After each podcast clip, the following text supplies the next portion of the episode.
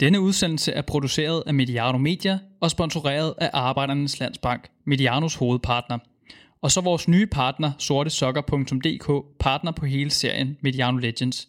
Dem hører du lidt mere om i udsendelsen, fordi de er en vigtig årsag til, at vi kan lave dette indhold.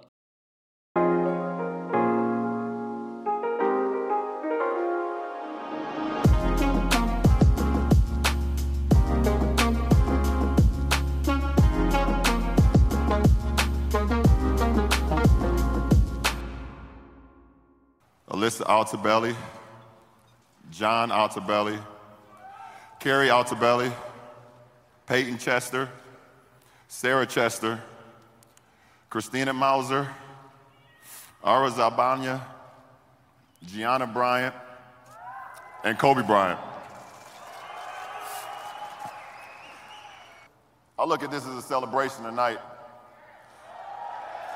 This is, this is a celebration of the 20 years of the blood, the sweat, the tears, the broken down body, the getting up, the sitting down, the everything, the countless hours. The determination to be as great as he could be. Tonight, we celebrate the kid that came here at 18 years of age. Retired at 38 and became probably the best dad that we've seen over the last three years, man. Tonight is a celebration. Det var ikke bare basketverdenen, men øh, hele verden generelt, der gik i chok søndag den 26. januar, da nyheden om Kobe Bryants pludselige død indtraf sammen med øh, otte andre navne. De navne, som øh, den nuværende LA Lakers-stjerne LeBron James ramsede op i lydklippet, I lige hørte, omkom han i en helikopterulykke lidt uden for Los Angeles. Vi skal tale en masse Kobe Bryant, om øh, spilleren Kobe Bryant, om personen Kobe Bryant, om øh, den arv, han efterlader både i NBA og også, øh, hvorfor han øh, berørte så mange mennesker også uden for basketverdenen, som han nu engang gjorde. Og uh, til mig uh, til at tale om uh, Kobe Bryant i den her udsendelse, der har jeg to uh, hoops uh, hoveder med. Det er Morten Stig Jensen og Sonny Singh. Velkommen til uh, de to herrer. Tak. Morten, du er skribent på det amerikanske pengemagasin Forbes. Du er medvært på uh, The NBA Podcast, som du har kørt i en uh, årrække. Hvor, uh, hvordan opstod den her kærlighed til basket og i deltid NBA for dig? Jamen det startede faktisk med Space Jam tilbage i midten af 90'erne, for at det ikke skal være løgn, øh, som mange andre nok kan, kan sige. Altså Michael Jordan og øh, Chicago Bulls tilbage i tiden der, det var jo utrolig fascinerende. Øh, manden kunne flyve for pokker. Det er super spændende sådan nogle ting, når man er 10-11 år gammel. Og så, øh, ja, kærligheden blev ved, det førte jo til, at man begyndte at spille, og allerede som 13-årig, så udviklede jeg mig nogle rygproblemer, som sagde, Au, det kan du sgu ikke længere, og så tænkte jeg, at jeg nægter at gå væk fra det her spil på den ene eller anden måde, og så begyndte jeg simpelthen bare at dække ligaen i stedet for. Der var du hugt, så jeg, det var, jeg var det, helt hugt. Det var svært at komme væk fra. Og hvad med, når nu er det en udsendelse, der omhandler Kobe Bryant, og vi som skal, skal hylde ham, hvad han var for en spiller, en person, og hvad, hvad, hvad fyldte Kobe Bryant i, sådan, i din uh, basketball-reference? Jamen, han, han fyldte en del. Altså, jeg, jeg var faktisk ikke en, nødvendigvis inkarneret Kobe-fan, men han var jo en konstant tilstedeværelse i, i NBA-verdenen for mig i over 20 år. Øhm, og om man vil det eller ej, så skaber man så lige pludselig et, et slags forhold, så sygt som det lyder, med en atlet på den måde. Så, så det var jo et, et kæmpe tab, bare da han gik på pension, og et endnu større tab nu, øhm, fordi han var jo hele tiden i mediebilledet rundt omkring ligaen, og man så ham og hans døtre til kampe, og man hørte ham jo tit udtale sig om ting, så at, at lige pludselig stå i en, i en NBA-verden, der ikke har Kobe øh, i den længere, det, det er surrealistisk og underligt, og jeg har altid stadig ikke helt forstået, hvad der er sket. Og hvad sådan øh, i forhold til, ja, da nyheden indtraf, sådan, kan du stadig huske, øh, hvor du var hen og hvad der ligesom øh, gik igennem dig? Ja, men det var simpelthen så tragisk. Jeg, jeg var faktisk i gang med et øh, radiointerview på Radio 4 omkring Zion Williamson, den nye rookie i NBA, så det handlede jo om fremtid, fremtid, fremtid. Og mindre end en halv time efter, jeg havde lagt på der, så kommer øh, nyheden hen over Twitter, og, og det var jo altså det var meget underligt. Det var en stærk kontrast, når du sidder der og tænker, jeg sidder der og har snakket om, om en af de mest spændende rookies over de sidste 10 år, og sådan sidder og snakker om, om arv, og, eller potentiel arv, og så lige pludselig så en, en, en spiller med en rigtig arv og en rigtig legende øh, går bort i mellemtiden. Det var, det var meget, meget mystisk. Jeg fik to eller tre timer søvn den nat, kan jeg huske. Fordi allerede morgen efter, så jeg blev givet ned kort tid efter, du, du skal på radioen i morgen igen for at snakke om det her. Det, det var meget mærkeligt det hele. Ja, vi så altså også, at, at det var sådan en, en lidt ukurant side, der, der først meldte nyheden op, så der var måske mange, der sagde, ja, lad os nu lige se, og det, det var en dårlig joke eller sådan noget. Det var det ikke, Sonny. Øh, jeg ved, at det var også noget, der berørte dig rigtig meget. Du er øh, journaliststuderende på, på RUK, og så er du også øh, med stifter og administrator på øh, den øh, Facebook-side, der hedder Los Angeles Lakers Danmark, så du har selvfølgelig også et øh, nært forhold til både Los Angeles Lakers som klub og også som, øh, til Kobe Bryant. Øh.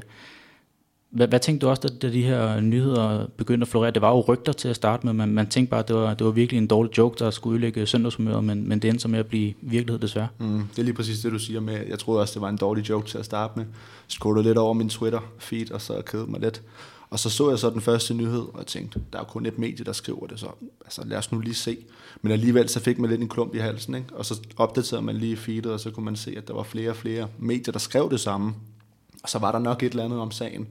Øhm, og så rammer det så også en rigtig hårdt, når det er. Øh, og jeg fik heller ikke meget søvn den nat, kan jeg også godt afsløre. Øhm, at det er altså en uh, udsendelse, vi laver for hylde Kobe Bryant, så vi skal ikke dvæle forfærdeligt meget med den her ulykke, fordi som jeg også talte med de to her om, vi gik på, så, så kender vi altså ikke helt omstændighederne for ulykken endnu. Der er lidt forskellige op, og der er jo heller ikke sådan en, en black box, som vi ser det på, på fly øh, på en helikopter, så der er heller ikke rigtig optagelse af, hvad der skete undervejs, og kommunikation mellem pilot og hvem han har nu har været i kontakt med. Så man ved faktisk ikke forfærdeligt meget om den ulykke, udover at det altså endte med at koste ni mennesker livet, og heriblandt altså den ene Kobe Bryant. Så skulle jeg lige at sige, at øh, det er altså en udsendelse, du trykker play på her i Mediano Magasinet, magasinet, hvor vi går lidt dybere ned i forskellige ting, og det er en udsendelse, der er lavet sammen med øh, Medianos hovedpartner, Arbejdernes Landsbank, og så partner på udsendelserne om øh, de her Mediano Legends. Det er primært fodbold, vi har beskæftiget os med indtil nu, men vi synes altså, at den her tragiske hændelse omkring Kobe Bryant stod, den også fortjent en udsendelse i Mediano Legends, og der er det sorte sokker.dk, der er partner på udsendelsen her. Mit navn er Kenneth Hansen, og øh, lad os nu de her vende fokus på, ja, og lad os hylde Kobe Bryant i stedet for at dvæle ved den her øh, kedelige omstændighed, der gjorde, at han altså måtte øh, forlade verden i øh, 41 år gammel blot, sammen med sin datter blandt andet. Nu har jeg selv øh, to børn, så man tænker også bare, hvilken forfærdelig øh, oplevelse det må være de sidste par sekunder sammen med en, øh, en datter og sidde der i, øh, i den helikopter der. Øh, lad, lad os håbe, at øh, de fik en, øh, en smertefri afsked med, med jorden her. Men øh, ikke så meget om den her ulykke, der indtraf, men øh, lad os i stedet for øh, slå et slag hen omkring øh, spilleren Kobe Bryant, som jeg har skrevet til også, at, at vi, vi deler lidt i bidder og, og, og vender der med, med ham som spiller. Lad os starte øh, sådan, før det hele begyndte med hans opvækst. Øh, der er lidt specielt med, hvorfor at han endte med at blive basketballspiller. Så jeg ved ikke, om du kan gøre lidt klogere på, sådan, at han, han voksede op øh, og havde så en afstikker fra, fra det amerikanske i nogle år. Mm. Der, øh, hvad, hvad, var, hvad var det årsagen til, at han var væk fra USA i nogle år? Jamen, hans far er jo også NBA, tidligere NBA-spiller, og han fortsatte så sin karriere nede i øh, Italien, øh, hvor han flyttede til som uh, syvårig, var Kobe på det tidspunkt. Øh, og han ville så fortsætte sin professionelle karriere dernede. Øh, og han tog så, som man så gør, tager man selvfølgelig sin familie med. Um, og der nåede han så at bo i øh, syv år, indtil han var 14, og så flyttede de så tilbage til øh, USA igen. Øh, så jeg tror helt sikkert, at det har betydet rigtig meget for hans... øh, den mentalitet, han også har haft, det der med, at i Italien havde han de ikke ligefrem de måske bedste forhold heller, øh, som det var i USA. Øhm, så jeg tror, det har haft rigtig stor betydning for ham, og hvem han er blevet til efterfølgende også. Ja, han er jo altså opkaldt efter det her Kobe-kød fra, fra det japanske køkken, øh, som, øh, som øh, forældrene Joe Bryant og hans øh, mor Pamela Cox Bryant har udtalt øh, ved lejlighed. Så han er altså den yngste af en øh, søskendeflok på tre med øh, to større søskende omkring sig, men øh, Morten, han er født i Philadelphia, opvokset i Pennsylvania, skrev du til mig, eller der var i hvert fald noget med Pennsylvania, hvor du sagde også i forhold til, at han kom fra, fra en, øh, nogle lidt hårde øh, steder, altså øh, Philadelphia kendt som en af de hårdeste byer med den højeste kriminelle øh, rate i øh, USA, men han kom også fra en opvækst med, med en tidligere, øh, altså en far, der kommer fra en øh, tidligere NBA-karriere og sådan noget, så han har vel ikke haft en hård opvækst på den måde, men, men hvad gjorde, at Kobe han blev den person, han nu engang blev? Jamen altså, nej, det er rigtigt nok. Han, har, han havde ikke øh, sådan den helt hårde opvækst, ligesom en Stefan Marbury, der nærmest lød på gaden i New York i mange år. Altså, det, det er ikke det, vi er ude i, men hver gang man skal, altså, man bliver opdraget i Philadelphia, eller i bare generelt Pennsylvania, så er det virkelig en udfordring, fordi det er, som du selv siger, ikke et nemt sted at, øh, at brillere, er det måske det bedste term. Det, der var med Kobe, var jo, at han havde taget den mentalitet, som han nu havde sig i, øh, i Italien, den her virkelig konkurrencesyge gen, som han jo nok også både havde for sin far, men også det der med, at han, han spillede mod ældre spillere derhen hele tiden. Det var jo ikke øh, ungdomsrækker på samme måde, som man ser det i dag. det var hvem der var på banen. Og ofte var det jo spillere, der var to, tre, fire, endda fem år ældre end ham. Så han fik jo smæk, da han var lille. Selvfølgelig gjorde han det, det. på banen, han fik smæk, og det tror jeg tændte en ild i ham, og den, den, den ild, den slukkede jo aldrig rigtigt. Den kom med over til USA, da han kom tilbage. Og så skulle han til at spille mod spillere i hans egen aldersgruppe, sådan cirka. Og så tænkte han, åh, oh, det her det er sgu meget nemt. Og, og så byggede han på det, i stedet for at være en af de spillere, der faktisk valgte at sige, okay, det her det er så nemt, at jeg faktisk bare kan slappe lidt af, og det hele, lad det hele komme til mig. Så sagde han, nej, mere, mere, mere, hele tiden. Og det var faktisk et led i, at han fik den her, øh, skal man sige, dræber, dræberinstinkt mm. på banen, fordi han blev ved med at fodre det. Han blev ved med ligesom at sige, jeg, jeg, vil, jeg vil gøre noget med det her, jeg kan jo se, der er en fremtid. Også når han kommer tilbage igen til USA og boede syv år i Italien, så udtaler han også mange gange, at han, altså, han har været svært at finde venner og sådan noget der. Og det hele det sociale, det med, at du har boet i en helt anden kultur, og kommer tilbage og kan heller, altså sproget, du kan det selvfølgelig, men der er stadig nogle ting, som ikke fungerer, som det gjorde på det tidspunkt. Øhm, og så har han bare haft endnu mere tid til ligesom at, okay, nu fokuserer jeg kun på basketbolden, og ikke andet end det, ikke alt det sociale. Der er jo mange, altså folk i hans alder, hvor han også bliver draftet, som han også selv siger, han er 17 år, da han bliver draftet, eller 18 år, da han bliver draftet, og mange vil jo gå ud og hygge sig på, i, hvad hedder det, hvor han skipper. I stedet for, så skipper han high school og går direkte til NBA. Øhm, så han har haft rigtig meget fokus på det også på den måde. Ja, han går altså, som du siger, direkte fra high school, har ikke nogen år i college, så han bliver også, da han øh, spiller sin første kamp i NBA, den yngste, det er så nogle, øh, to herrer, der har slået ham sidenhen, Jermaine O'Neal og, og Andrew Bynum, men, men da han øh, debuterer i øh, november 96, der han altså den yngste øh, spiller, var 18 år 56 dage gammel, øh, da Kobe Bryant han altså får debut. Lad os lige øh, runde lidt fakta omkring øh, Kobe Bryant. 20 aktive sæsoner når han alle sammen for Los Angeles Lakers fra øh, 96 til 2016 bliver der oprindeligt øh, draftet øh, af Charlotte Hornets, men øh, ryger så via trade øh, med en øh, ja, prominent øh, Balkan-center, øh, Vlade Divac, som egentlig var et ret stort navn dengang. Det viser også bare, at der også var, var tro på, at han bliver taget som nummer 13. Han er altså ikke ligesom LeBron James eller andre, der bliver taget som nummer 1 i draften. Uh, Kobe Bryant have decided to skip college and take my talent to the NBA.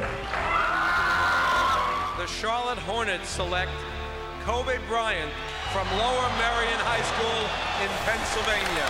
It's a step up from high school. The Charlotte Hornets have traded Kobe Bryant to the Lakers. Golden jersey, baby. Here we go, lifetime, lifetime dream. You know, it's finally been realized. The 18-year-old Kobe Bryant, the youngest player to ever appear in a regular season NBA game. Lad os lige øh, fortsætte lidt på faktaen. Altså, jeg nævnte før de her 20 aktive sæsoner, han blev taget som nummer 13, ikke som nummer 1. Øh, fem mesterskaber i øh, 00, 01, 02, 09 og i 10, men det var også sådan en, en, en tid, der blev øh, opdelt i to nærmest, altså en, øh, en tid, hvor han spillede sammen med Shaquille O'Neal, og en tid efter, hvor han også lige skulle øh, vise, at han også godt kunne vinde nogle mesterskaber på, på egen hånd. Han havde den her position på banen, der hedder shooting guard, Morten, og shooting og Kobe Bryant, det er vel også noget, der passer meget godt sammen. altså, altså, det, prøv måske at, for, for, for folk og, og lytter, der ikke helt kender de her øh, fagtermer i basketball, men der er fem forskellige positioner på banen. Der, der havde han den position, der hedder en shooting guard. Hvad er det øh, for en opgave, man har der? Det ligger måske lidt i, i navnet. Det, det ligger lidt i det, men øh, altså positioner dengang og positioner nu er lidt anderledes. Det er blevet øh, noget mere udfaset, altså det, det, det, blev lidt med, det, det glider lidt ind i hinanden på samme, øh, i forhold til tidligere. Fuldstændig. Hvis man skal sammenligne med, lidt med fodbold, så alle spillere nu skal kunne spille box to box. Ja. Det er lidt det samme i, i basket, alle skal kunne gøre det hele. Mm. Dengang, da han kom ind, der en shooting guard rolle var at tage størstedelen af distanceskuddene, og de skulle, du skulle helst ligesom passe med en center, så sjovt nok var det også det, der skete i Los Angeles med Shaquille O'Neal. Fordi centeren var stadigvæk den, den primære spiller i, i ligaen. Um, man så jo med Kareem Abdul-Jabbar, Will Chamberlain, Bill Russell, alle de her. Så det var stadigvæk en meget prominent position. Men Michael Jordan gik ind og ændrede det ved at vinde mesterskab som en shooting guard. Før han gjorde det, var der faktisk en generel sådan opfattelse af, at du kunne aldrig vinde et mesterskab med din bedste spiller som værende en såkaldt lille spiller, en shooting guard, en guard, den slags. Det skulle være en stor, fed center, der stod ned under kurven og snittede 30 point og 20 rebounds per kamp stort set. Kobe, øhm, meget ligesom Jordan, var den her spiller, der tog rigtig mange skud fra shooting guard positionen, hvor at man skal drible lidt, man skal bevæge sig uden for bolden, og man skal tage åbne skud. Og øh, han valgte ligesom bare, igen ligesom Jordan, at tage den i overdrive og gøre det endnu mere. Uh, han var ikke en komplementær spiller. Han insisterede på ligesom at være den aggressive uh, main attraction, for at sige det lige ud. Uh, jeg kan ikke huske, hvad det var, han egentlig snidede på sit højeste, men jeg tror, han havde en sæson, hvor han tog over 24 skud på kamp. Mm.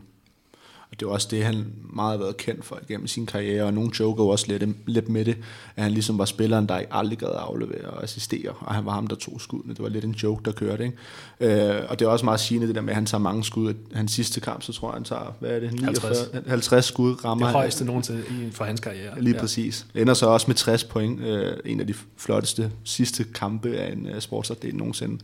Øh, ja.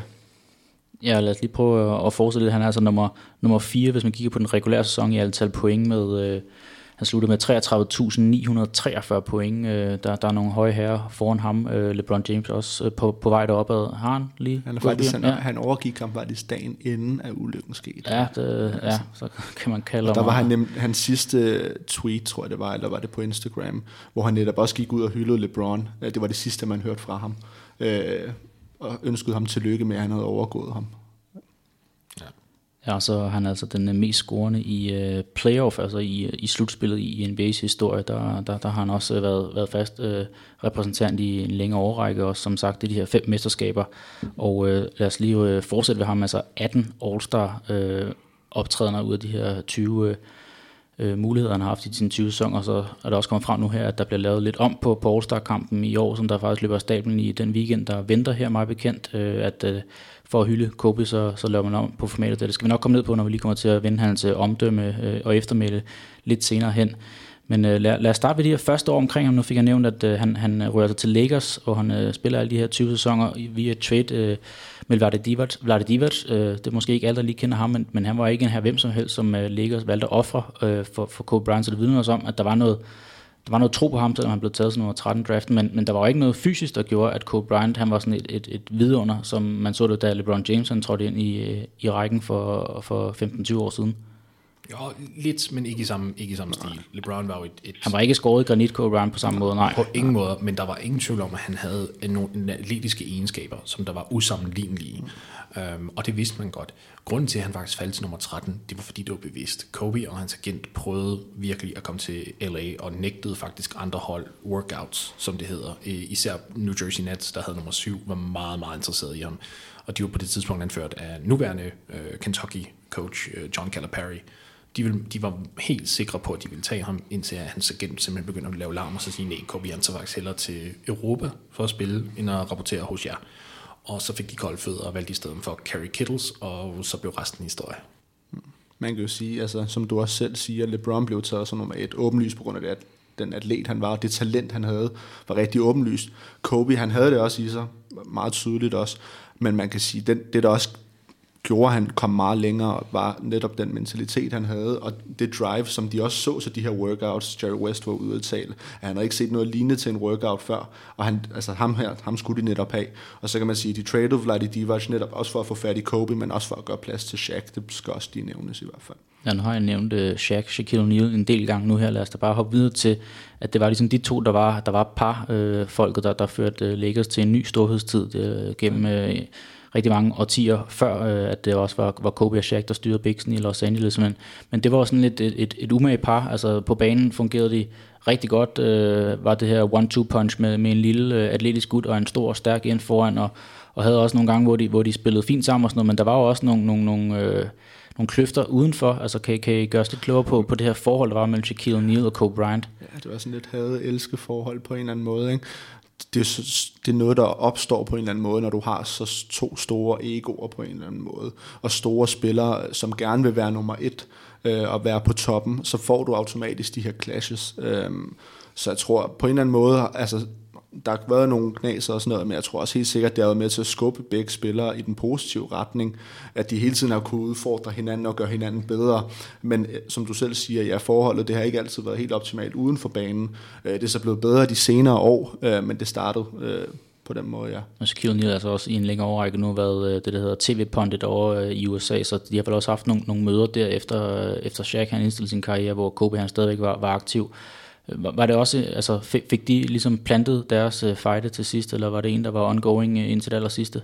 Nej, nej, de, de fik uh, simpelthen begravet stridsøksen, og det, det gjorde de for lang tid siden. Mm. Jeg, jeg vil da sige, før Kobe sådan rigtig, eller undskyld faktisk, inden Shaq sluttede sin karriere. Det, det, det, der sker i 2004, er, at Shaq faktisk bliver traded væk fra Los Angeles Lakers, og fordi at han, han har nogle kontraktkrav, som Lakers ikke har lyst til at indfri. Og i stedet for at sige, at Lakers, prøv nu fokuserer vi på, på Kobe, og, og vi vælger ligesom bare at bryde det her op. Og det var efter, de havde tabt i finalerne mod Detroit Pistons, hvilket bare var endnu et bevis på, at det, det kører ikke helt, som det skal. Efter de har vundet mesterskabet i 0-0, 0-1 og 0-2. Ja. Øhm, hvad hedder det? Og det, der så sker der, det er jo, at Kobe går all in på ligesom sig selv, og, fordi der er også en Colorado-saga, som vi vender tilbage til, som hænger hen over hovedet på ham. Øhm, og Shaq tager til Miami, vinder faktisk et mesterskab der. Mm. Øhm, og, og selvom der er sådan en lidt friendly, friendly rivalry, vil jeg sige, på en eller anden måde, øhm, så er der stadigvæk nogle undertoner af noget. Shaq går ud og laver en rap-sang på en natklub til Kobe, som øh, jeg ikke rigtig kan gentage her. Øhm, så, som, som lige vækkede flammerne lidt igen. Men lige så snart de faktisk blev separeret i, i den forstand, så var det noget andet. Der var ikke den der dagligdags irritation, og jeg tror faktisk, det var det, det kogte ned til. Fordi Shaq var aldrig typen, som der ville arbejde særlig hårdt. Han var den der type, der kom til training camp meget overvægtig, og ville ligesom spille sig selv i form i løbet af sæsonen. Når, og det irriterede Kobe grænseløst, fordi Kobe var, var den der type, som der i løbet af en sommer ville låse sig selv i en gymnastiksal og bare træne og træne og træne og træne og blive bedre. Han var kongen af de her suicide runs, ikke? Øh, fra, fra baglinjen til baglinjen, ja. Fuldstændig. Og, og det, der lå der virkelig bare sådan en, en forkert dynamik. Så, så snart at de egentlig bare kom hver for sig, så blev det noget andet, fordi så blev Kobe jo ikke eksponeret for den her manglende arbejdsindsats, som Shaq han, ja, havde øhm, hver eneste dag. Og så fik han nogle andre holdkammerater, der var lige så dedikerede, eller i hvert fald mere dedikerede end Shaq. Og så tror jeg simpelthen bare, at den fejde derfra gik lidt ned. Sonny, hvad tænker du i forhold til, nu har man også set, øh, altså i gamle dage, nu taler vi også om, da, da Kobe kom ind i ligaen i 96, der var det en ting med, med positionerne, men der var også noget, der ændrede sig i forhold til det med en franchise-spiller. Altså tit der var det, at der var en og alt overskydende stjerne på, på flere hold. Altså nu er det mere blevet med, at, at man samler mange store stjerner ja, på, på, på, på et hold. Altså ja, øh, der har været nogle Golden State hold, og det var måske Boston, der startede i, i sin tid, da man samlede øh, Paul Pierce og Garnett og, og Ray Allen i, på, på samme mandskab. Altså, kunne Lakers øh, i og for sig ikke have vundet flere titler der i øh, starten af nullerne, midten af nullerne, hvis Shaq og Kobe har kunnet enes om det? Og det er jo det store spørgsmål, som mange også stiller. Øh, kunne de have vundet? Og altså, det er jo svært at gisne om, at man kan sige, når de vinder i 0, 0, 0 og 0, 1 og 0, 2, vinder tre i træk, taber så i fire, men altså, man kan argumentere for, at hvis de er blevet ved, kunne de sagtens have vundet flere mesterskaber sammen. Men der har også været de der clashes der, og på en eller anden måde har det måske været meget godt for dem at også blive separeret og have hver deres karriere på den måde. Så jo, det kunne de godt. De kunne godt have vundet flere mesterskaber. Men ja, det er selvfølgelig rigtig svært at sige. Altså, der vil jeg indskyde ja, ja, den, den snak, den hører man jo rigtig meget om, det er du helt ret i. Øh, men, men man glemmer også lidt, at Shaq var altså begyndt at blive lidt gammel på det tidspunkt. Især fordi han ikke knoklede så meget, som han gjorde, og han var altså på den forkerte tid af 30 på det tidspunkt. Og han ramte jo aldrig et niveau efter Lakers-tiden, altså i både i Phoenix og i nej. Boston også, altså det altså, var ikke det samme. Ikke på samme niveau, nej. På, på ingen måde. Altså han var, han var stadigvæk dygtig, og der var en grund til, at Miami vandt mesterskabet i 2006, men det var mest på baggrund af Dwayne Wade, som der fuldstændig var altså genial og blandt ligaens bedste spillere mm. der. Så Shaq på, på efter, altså efter 2004, har jeg lyst til at sige, der var Shaq på ingen måde den samme spiller. Og det er altså også noget, som man glemmer, når man sidder og snakker om, hvor mange kunne de have vundet. Den, den der glipper er i 2004, men også året før, 2003. Hvis de havde haft styr på deres ting der, så kunne de potentielt have rullet fem mesterskaber i træk som Morten også siger, at han var jo ved at blive gammel, men de år der efter, Lakers ender jo først med at vinde i 0, 09 og 10, så man kan sige, de vinder jo heller ikke rigtig noget, og så har han Shaq, som måske ikke er i fysisk prangende form, men stadig har talentet og vinder også mesterskabet i Miami også, øh, kan man selvfølgelig godt sige, at vil have haft en indflydelse på det. Øhm, så. så nævner lidt om det her havde kærlighedsforhold, ham og, mm. og Kobe havde uh, Shaquille O'Neal, hvor, hvorimod at hans uh, ja, aftager i, i Lakers, øh, Pau Gasol, han blev måske mere en, en broderfigur for, for Kobe Bryant. Prøv, prøv at gøre sig lidt klogere på det forhold, som han endte med at få til, til, til den høje Spanier. Jamen, Pau Gasol er jo lidt en sjov type, fordi til trods for, at han aldrig nogensinde har været lige så talentfuld som Shaq, så havde han bare en IQ, der sagde, spar to. Begge hans forældre mener jeg nok er læger og han blev, op, altså han blev opdraget med sådan meget, meget øh, stimulerende, hvad hedder det, metoder, sådan, som der virkelig, han, kort sagt, Pau Gasol er geni væk fra banen. Der og, og, og en dimensional modsætning til Shaquille O'Neal på mange mm, på, punkter. På, på mange punkter. Uh, Gasol, han kunne tænke sin vej ud af situationer altid, og jeg tror for Kobe, der var det lige, hvad der passede på det tidspunkt i hans karriere, fordi Kobe selv uhyre intelligent på en bane. Altså, det, det er noget, som man også virkelig skal snakke om. Den mand forstod positionering bedre end nok nogen anden, hvis vi ser bort fra Michael, øh, i henhold til guards i NBA's historie. Han vidste lige præcis, hvordan man skulle, hvor man skulle gribe hen, øh, bolden hen, i hvilken situation, hvordan han skulle bevæge kroppen i den bevægelse, at han griber bolden, og altså, det var, det var vanvittigt, hvor intelligent han var. Så kommer Pau Gasol ind, som er på en større position, han spiller power forward slash center, og han, han kan aflevere bedre end stort set alle andre, der spiller den position. Og når man kan aflevere i den højde, så har du altså også noget specielt. Det vil så sige, at Kobe kunne bevæge sig rundt på banen, og Pau kunne bare finde ham. Og det gav bare en, en mere ødelæggende dynamik for modstanderne, fordi de kunne simpelthen ikke stoppe det. Du havde Pau Gasol, der både kunne score og aflevere i nær ringen, og så havde du Kobe, der kunne løbe rundt og være lidt mere fri. Det var den perfekte opskrift.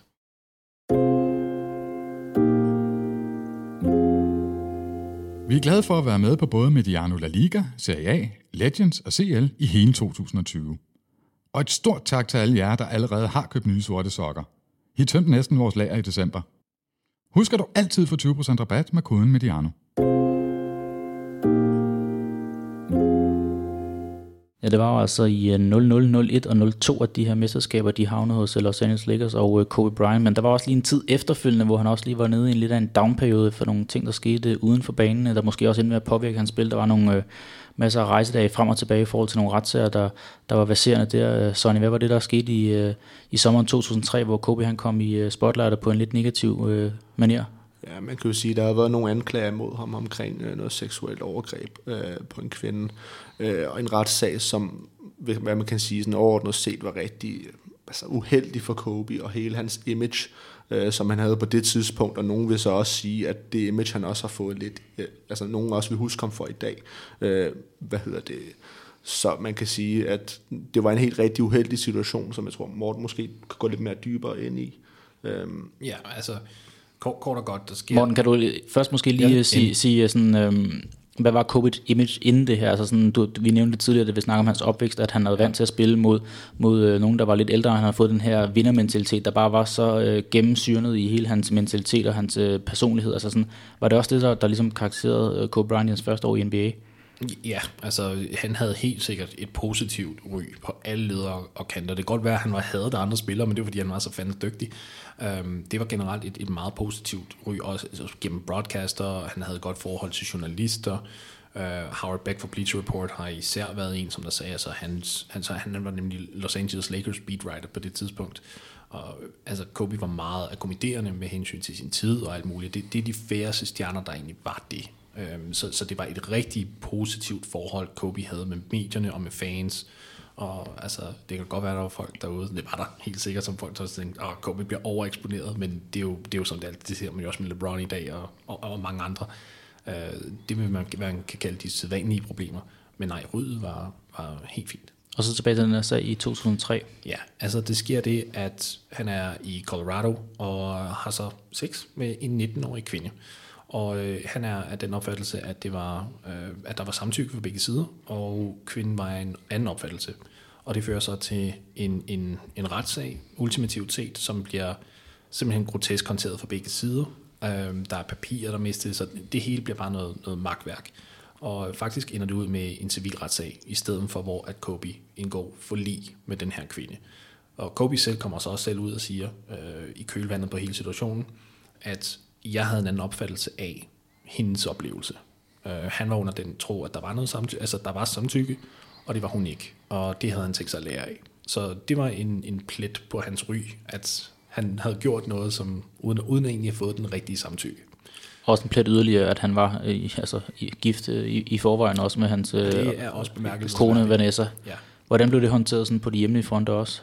Han gav hende en ring til 4 millioner dollar og, og nøglerne til alle, hvad var det, du Alle sagde? hans mansions, ja. alle de huse, han havde, og en uh, god mængde penge i hvert fald, så hun skulle ikke mangle noget som et lille plaster på såret. Og vi så her i forbindelse med hans, øh, hans tragiske død også øh, hans, øh, hans datter, altså deres datter, Vanessa, og, og Kobes datter, som der også afgik ved døden. Men, men hvad, hvad for en rolle spillede hun i hele Kobe Bryants øh, karriere og, og liv også? Altså, det, det var nogen, der var sammen, øh, da, da Kobe Bryant var 21, og hun var 17, blev de gift, så, så det var jo nogen, der har været tro væbner gennem øh, ja, medgang og modgang. Jamen, familien har været utrolig vigtig for ham. Dengang, at øh, Colorado-sagen skete, der øh, var der nogle problemer på hjemmefronten, og, og han tog en dårlig beslutning. Det, som Kobe så valgte at, at gøre efterfølgende, var altså ligesom sige, nu, nu, nu fokuserer jeg rent faktisk på familien, nu dedikerer jeg mig til familien. Mm. Øh, og der, der må jeg jo sige, heldig for ham, at han fik den chance. Der var jo nok ikke mange kvinder, der egentlig havde givet ham den chance.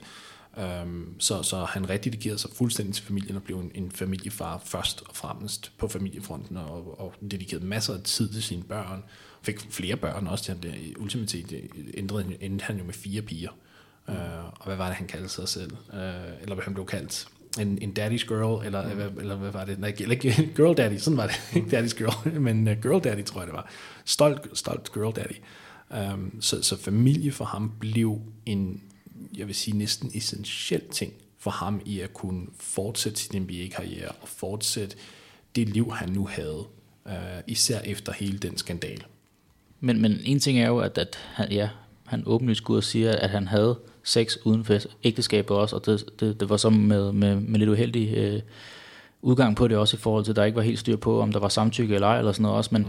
men hvor meget kunne man mærke det på hans spil i, i forhold til, altså han, var han i stand til at lukke det hele ud, eller var der også noget, der påvirkede ham, og, og, og kunne det måske være, ja, også begyndelsen på enden på, på Los Angeles øh, styrke øh, lige de her år? Ja, man kan sige, altså ting, der sker ude for banen, du kan lukke det af til en vis grad, men når der sker så store ting, så påvirker det de spil, og det så man jo også øh, fra Kobes side af, og de rører ud i øh, finals der og vinder ikke. Så det har helt sikkert haft rigtig stor betydning øh, for det spil, han leverede der, og det er også overgangen til det, som vi også skal komme ind på, den her The New Kobe, som kommer efter hele den her skandale, hvor han også i mange interviews efter os har sagt, at han har lært rigtig meget af det her, for selvfølgelig har, altså, han er åbenlyst fejlet, og det er klart, men han har altså taget det med sig og, og blevet til et bedre jeg er det også.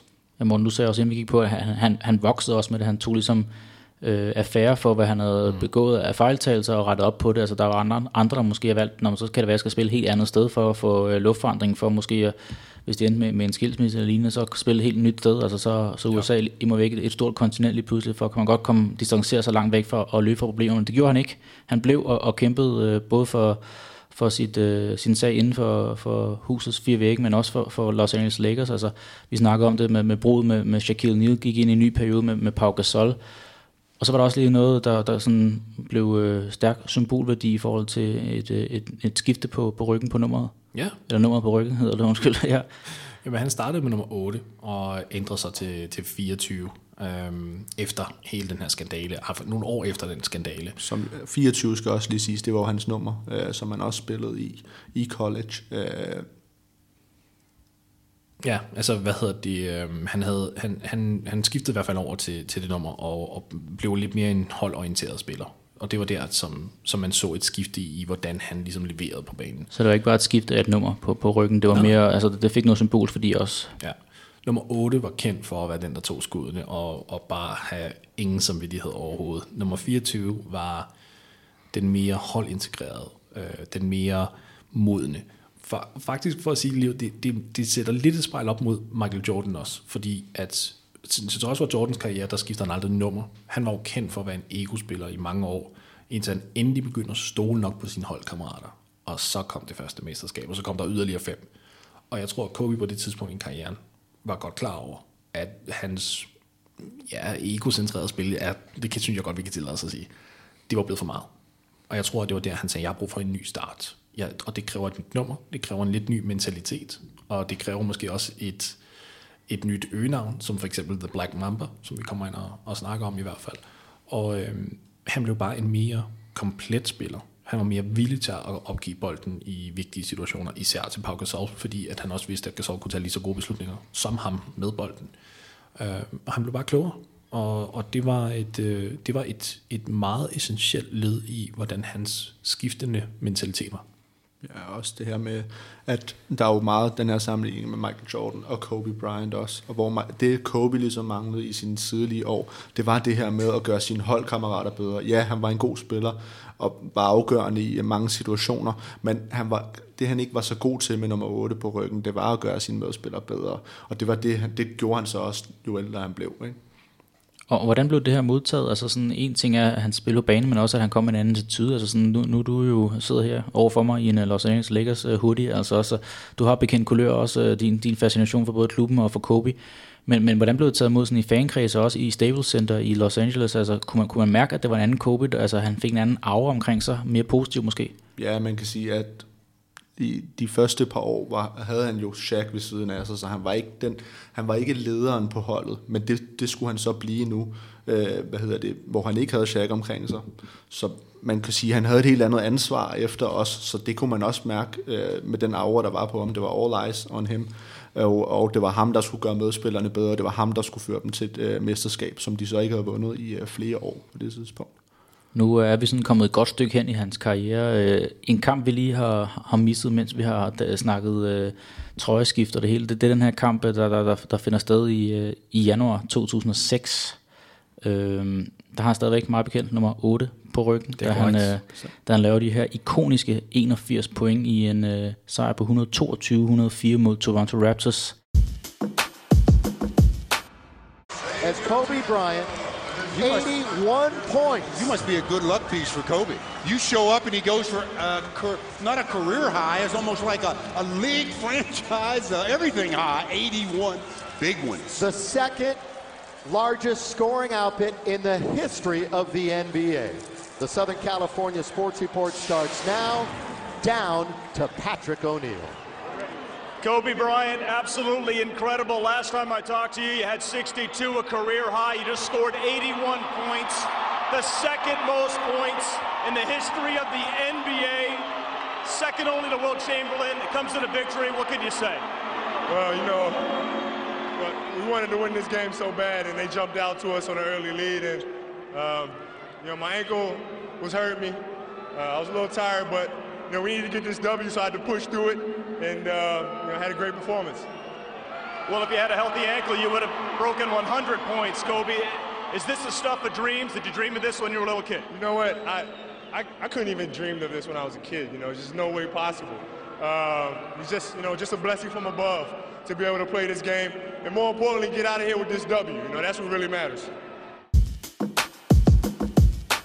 Fuldkommen vanvittigt, altså kun øh, præsteret højere en gang i øh, uh, NBA-historien, da Will Chamberlain har lavet de her øh, ja, velkendte 100 point, hvor han holder op med sådan en øh, lille skrivende seddel med, med 100 på, på, øh, på sedlen der, men øh, 46 field goals har jeg skrevet, øh, 28, for, 28 på 46 på gulvet, øh, og så øh, 20 straffekast, hvor han satte de 18 af dem, og blandt andet de her to øh, til allersidst. Øh, Spillede 42 minutter, lavede 55 point i uh, second half. Uh, ja, de var bagud undervejs mod Toronto, der blev fra sig dengang. Toronto ikke samme støbning, som de er uh, anno 2020, også forsvarende mestre i NBA, men uh, det, var, det var trods alt en, en, en helt vanvittig præstation. Hvad, hvad husker I sådan fra, fra, hvad der skete der i starten af januar 2006? Jeg husker jo helt, altså en spiller, som rammer de første par skud, det er jo tit det der med, øh, hvad hedder det, du rammer de første par skud, og så laver du lige et heat check for at se, er du stadig varm, og han kunne altså bare ikke, altså det kørte bare for ham, og han ramte de skud, og for straffelinjen var han også næsten perfekt også, så en, en kamp, som på mange måder også er en, som man selvfølgelig husker Kobe for os, og meget ikonisk det her med målscoring, mange field goals, rammer de sidste, øh, rammer på straffekastet også, netop den Hans første øh, career bucket er også et straffekast, det er hans sidste også. Øh, som en meget sådan opsamling af hans karriere i en kamp på en eller anden måde, vil jeg sige. Ja, altså det var jo fuldstændig vanvittigt. Øhm, jeg havde ikke mulighed for at se kampen live, fordi at det var i 2006, og det var før League Pass var kommet til Danmark. Men jeg sad og fulgte den øh, over boxscore på ESPN. Jeg husker stadigvæk, at det var ved at være øh, aften, og jeg sagde til min, til min kæreste, skal vi til at gå i seng? Ja, jo, gør det, lad os gøre det. Og så kigger jeg lige på scoren og sagde, vent, vent, vent lidt. Kobe har et eller andet fuldstændig vildt antal point Jeg bliver lige op lidt længere. jeg bliver altså lidt op. Jamen, det gør hun også, det kan jeg huske, fordi det var sådan, jeg tror, jeg sagde noget med ham, han har 55 point, og der er sådan vildt meget tid tilbage, sådan i, starten af tredje kvartal eller sådan noget. Det var, det var fuldstændig absurd. Og så sad jeg ligesom og fulgte med der, og så gik jeg ind på sådan et, et forum, hvor jeg også var i sen tid, hvor at der var folk, der ligesom like kommenterede, hvordan de her scoringer skete. Og altså det næste time, kan jeg huske, man sad jo flere tusind mennesker og bare blev med at tælle. Altså, okay, nu er vi heroppe, nu er vi deroppe. Ikke? Altså, og folk havde jo forskellige reaktioner hver eneste gang, han placerede noget. Altså, da han placerede de 69, hvilket er Michael Jordans career high, så var det også bare sådan, wow, og så kom man op over 71, hvilket var David Robinsons career high, wow.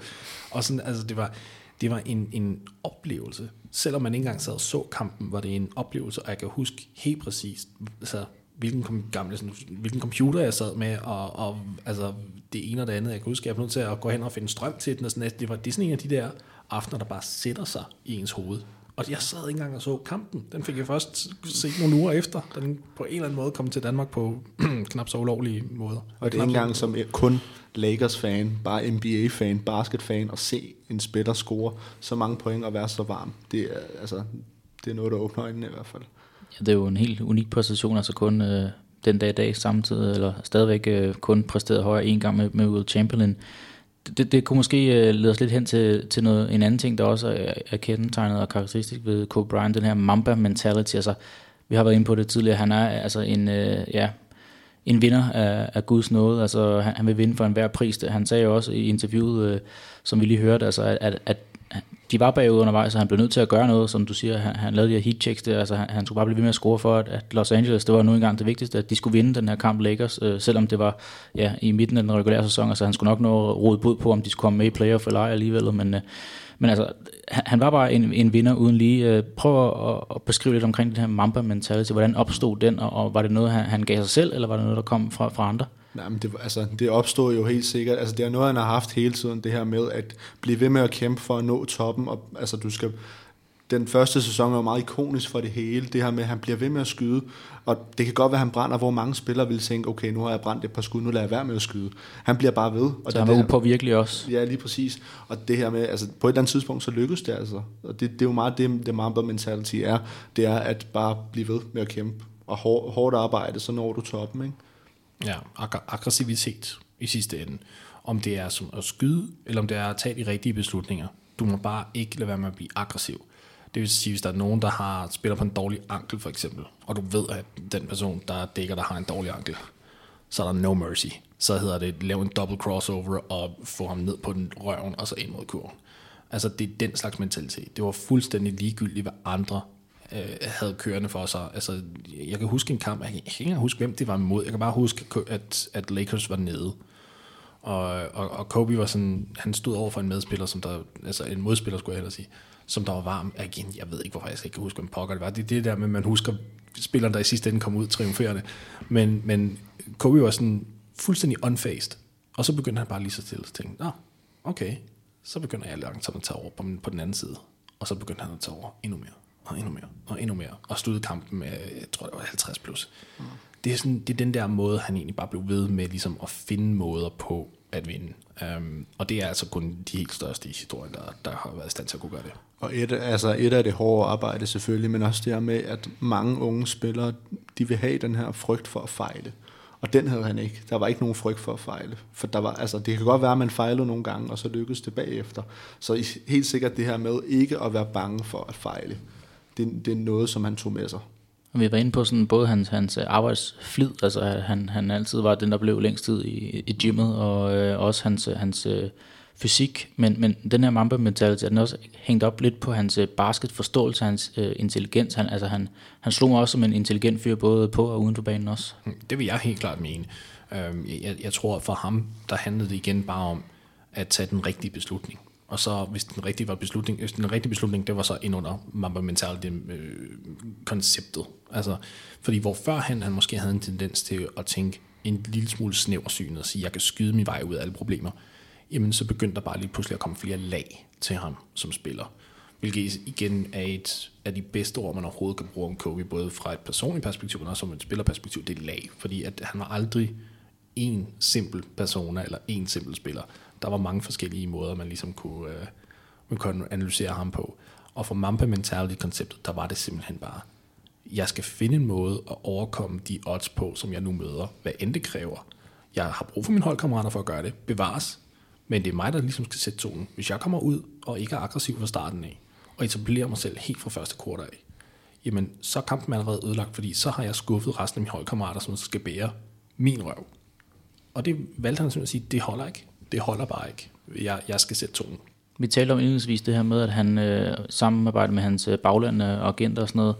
Altså, det var ikke øh, en tur til Charlotte, øh, der, der, der ligesom øh, vækkede det helt store i Kobe. Havde han også det så dengang? Altså, Lakers er det her kraftværk i NBA, som det nu engang er. Altså det er enormt trækplaster, en af de største franchises, hvis ikke det største, måske på, på højde med Boston Celtics. Altså, skulle han også på den store scene, før han vidste, at han kunne præstere på, på, ja, på det niveau, han gjorde igennem 20 sæsoner?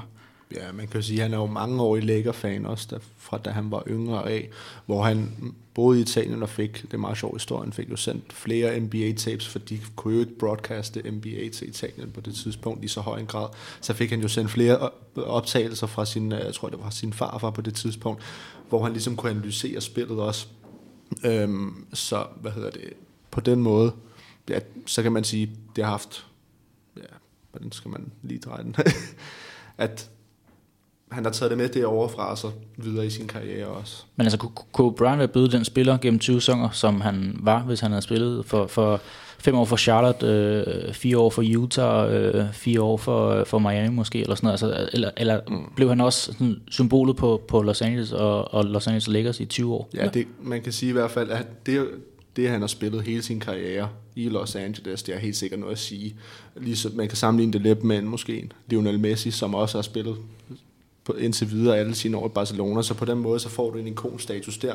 Og så er der selvfølgelig The Bright Lights i Los Angeles. Det er jo en by, som ligesom er kendt gennem mange år for at have flere store stjerner, levere mesterskab på mesterskab, den anden vis, mest vindende franchise i historien. Så jeg tror helt sikkert, det har haft noget at sige, at han har spillet i Los Angeles, og det har haft stor indflydelse på den måde, han ligesom kunne levere på os. Talentmæssigt, der havde det aldrig nogensinde altså, været en forskel, tror jeg der havde han stadigvæk hans mentalitet, og hans talent havde været præcis det samme. For, for Kobe har han bare gavnet rigtig meget for den mediedækning, der er i Los Angeles, som stadigvæk er sublim det største marked i NBA. Du sagde lige før for eksempel det der med, at øh, Los Angeles Lakers og Boston Celtics er de helt to store i USA. Ja, til en vis grad. Det er fordi, vi sammenligner med mesterskaber, hvor de er meget tæt på hinanden. Men når det kommer til markeder, så er det LA, der er king, og det er hele vejen igennem. Kobe kunne have haft præcis den samme karriere for en anden klub, men det vil aldrig have været en så markant profil, han ville have skabt sig, hvis ikke det havde været for The Bright Lights of LA. Var der noget i, i spillestilen og den DNA, som Lakers også har, som der også gjorde, at Kobe han kunne udfolde sit talent på en vis måde? Absolut. Altså det her, det er jo en klub, som der havde Magic Johnson og The Showtime Lakers tilbage fra 80'erne. Ja, man skulle spille på en vis måde basket. Altså det skulle være underholdende og, og berusende. Absolut. Der skal der være alle oops der skal være spinning layups, der skal være nogle behind the back passes. Og showtime. Fuldstændig, der skal være showtime. Med Jack Nicholson på, på, på front row. Fuldstændig, altid. Det, det, sådan, sådan er det i LA. Det skal det være der. Og det er også derfor, de gik efter Kobe, eller undskyld, LeBron James. Altså, de satser højt, og de satser efter de her spillere, der kan, der kan levere noget, som får folk til at tune ind.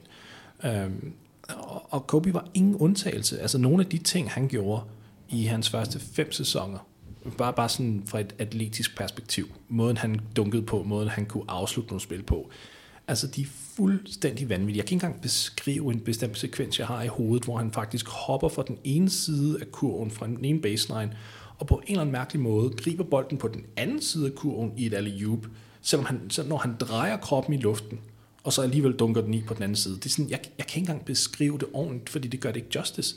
Men det, hans rå kreativitet, og kombineret med hans atletiske formåen, var fuldstændig usammenlignelig. Og det er jo igen, som Sonny sagde også, altså han tog en masse ting fra andre spillere, hvilket, hvilket jeg aldrig har forstået, hvorfor han blev kritiseret for, fordi alle de bedste spillere tager noget fra de bedste spillere. Sådan er det bare. Kobe han tog jo elementer fra Hakim Olajuwon, fra Michael, fra Karl Malone, øh, fra Kareem. Kareem ja, ja, den lille babyhook, som han faktisk også udviklede. Han, brugte den ikke, han burde have brugt den mere, men han brugte den ikke så meget. Øhm, der var en hel masse spillere, Dr. J, Julius Irvin, altså han, der var hele tiden elementer for spillerne fra fortiden af, som han tog elementer fra, og så ligesom lagde ind i sit spil og i sin showtime, og det gjorde ham bare til en allerhelvedes underholdende spiller. Nu har vi snakket lidt om, at han ja, også øh, i, øh, i dagene efter hans øh, død, altså hvor mange det berørte, både øh, folk i basketmiljøet og også udenfor, altså så at han, han havde virkelig en, øh, en aura og en øh, berøringsflade, der, der, var, der var enorm. Øhm, men, men, men ved man noget om, hvor han har fået sin inspiration fra? Altså I nævner nogle af de her tidligere lækkerspillere også og sådan noget, men, men var der en specielt, øh, altså nu er det nemt at komme med sammenligningerne på, på Michael Jordan, en vis nummer 23, men var det også derfra, at han ligesom fik øh, de største inspirationskilder til sit spil? Det, det vil jeg i hvert fald sige, at det er der er jo mange af de videoer på YouTube og andre steder, hvor man ser, hvor identiske mange af deres spil også er den, den her fadeaway og de her game winners og sådan, så jeg vil sige helt sikkert, at han har fået meget af sit spil primært for Jordan, og det var også den spiller, du gerne ville sammenligne dig med, når du kom ind i ligaen, og det var det high goal, ikke? Og, og så skal det altså også nævnes noget her. Scottie Pippen, Michael Jordans langtidige holdkammerat i Chicago Bulls, han, øh, han, var ikke, han var aldrig under officiel, øh, altså, hvad skal man sige, han var aldrig hyret i en officiel forholdning til, til Los Angeles Lakers.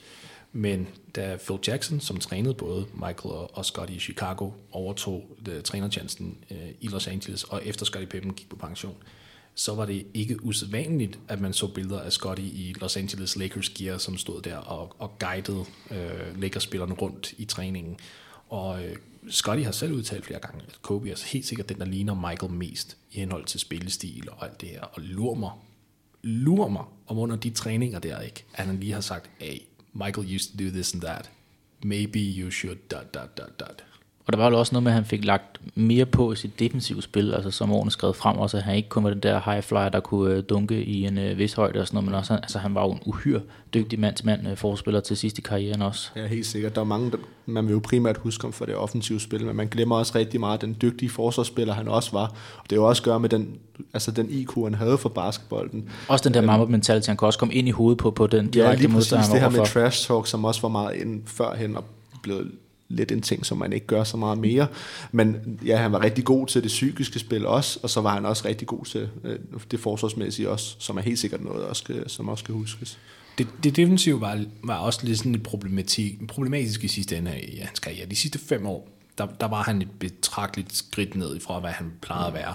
Og især efter, han, øh, han ødelagde sin akillescene i, hvad, hvad var det? Hvad det var, var det? 14, tror jeg. Det var 14, var det kun ja. to år inden? Jamen, jeg kan ikke huske, om det var 13 eller 14, det var i hvert fald deromkring. Mm. Uh, altså, der vil jeg sige, de to sidste fulde sæsoner, han spillede, der spillede han stort set ingen forsvar, og det var sådan, men alle var okay med det, fordi de vidste godt, at han var en, en efterhånden en gammel mand, der spillede på en ødelagt akillescene, altså, så derfor var det okay. Men når man kigger på hans storhedstid som forsvarsspiller, han var enormt ødelæggende, fordi det han kunne gøre, det var, han kunne både spille passing lanes, men han kunne også, som du sagde, Kenneth, han kunne dække en mod en, han kunne dække holdforsvar, hans rotationsmønster defensivt, det der med at skifte over på andre spillere, og være i stand til at identificere, om jeg bliver nødt til at overtage den her spiller lige nu, fordi han er varm. Jeg bliver nødt til at gå hen på den her spiller, fordi det er ham, der bliver efterladt åbent i hjørnet hele tiden, og han har sat tre træer imod os lige nu. Hans defensiv IQ kombineret med hans evne til at kommunikere med trænerstaben, og ligesom sige hele tiden, jeg bliver nødt til at gøre det her nu.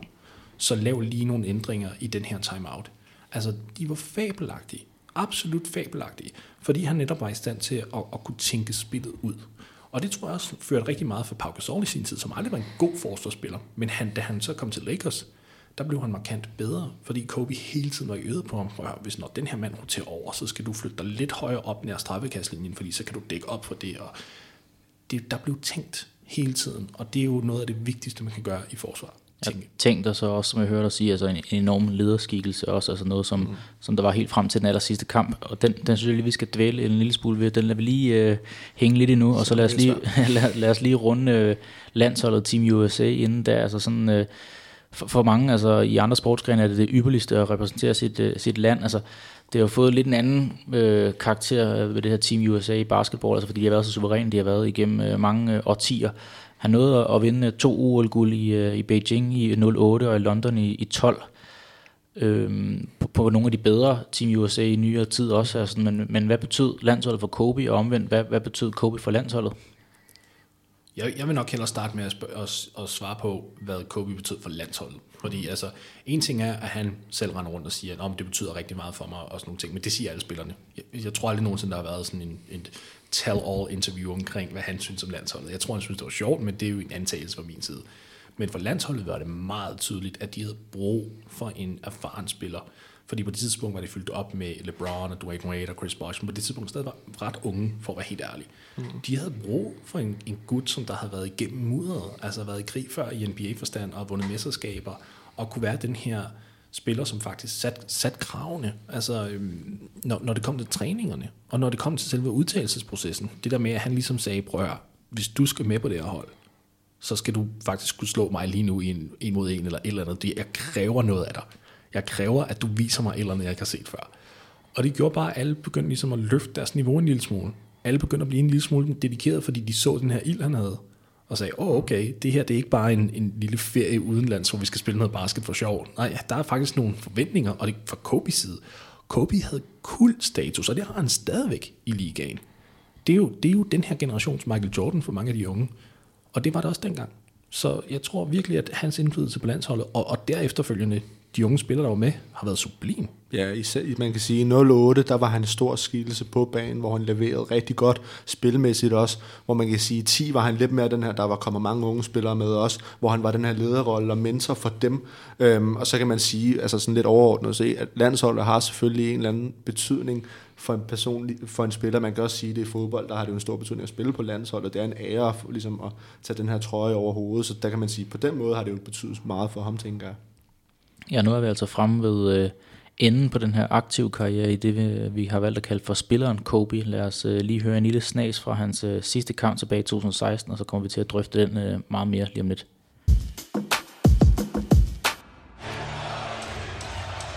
Final minute 30. Bryant from 14 has 53. Rebound. Kobe's got the Lakers last tip. Bryant for three. Go! Oh, oh!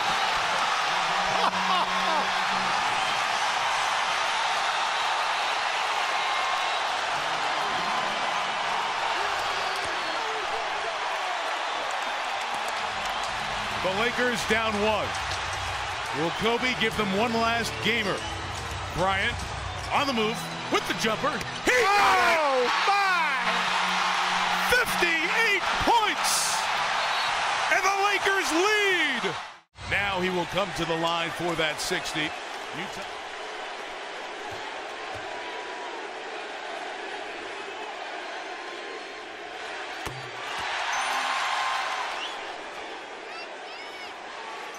Sixty. Utah will go up the floor with Hayward. 13 seconds left. Hayward on the drive. Layup no good. Rebound gets in the hands of Kobe. Throws it ahead to Clarkson. And Clarkson will dunk it. 4.1 to go. Timeout Utah. Ja, øh, det kunne vel dårligt have skrevet øh, en afslutning bedre end den, som øh, Kobe han leverede den øh, 13. april 2016. Hans øh, sidste kamp i øh, den her karakteristiske gule trøje. Sonny, hvad, øh, når du sidder og hører de her øh, lydklip her, sådan, hvad, hvad, hvad for nogle tanker, der, der strøg igennem hovedet på dig? Jeg husker tilbage på, at jeg har sat væk ud til klokken, hvad var det, halv fem om morgenen, det klassiske Los Angeles kamp tidspunkt. Øhm, og, og den her forventning, som der var på en eller anden måde, hvad skulle der ske? Altså kom han til, til at fejle, eller kom han, altså hvad skulle der ske i helt?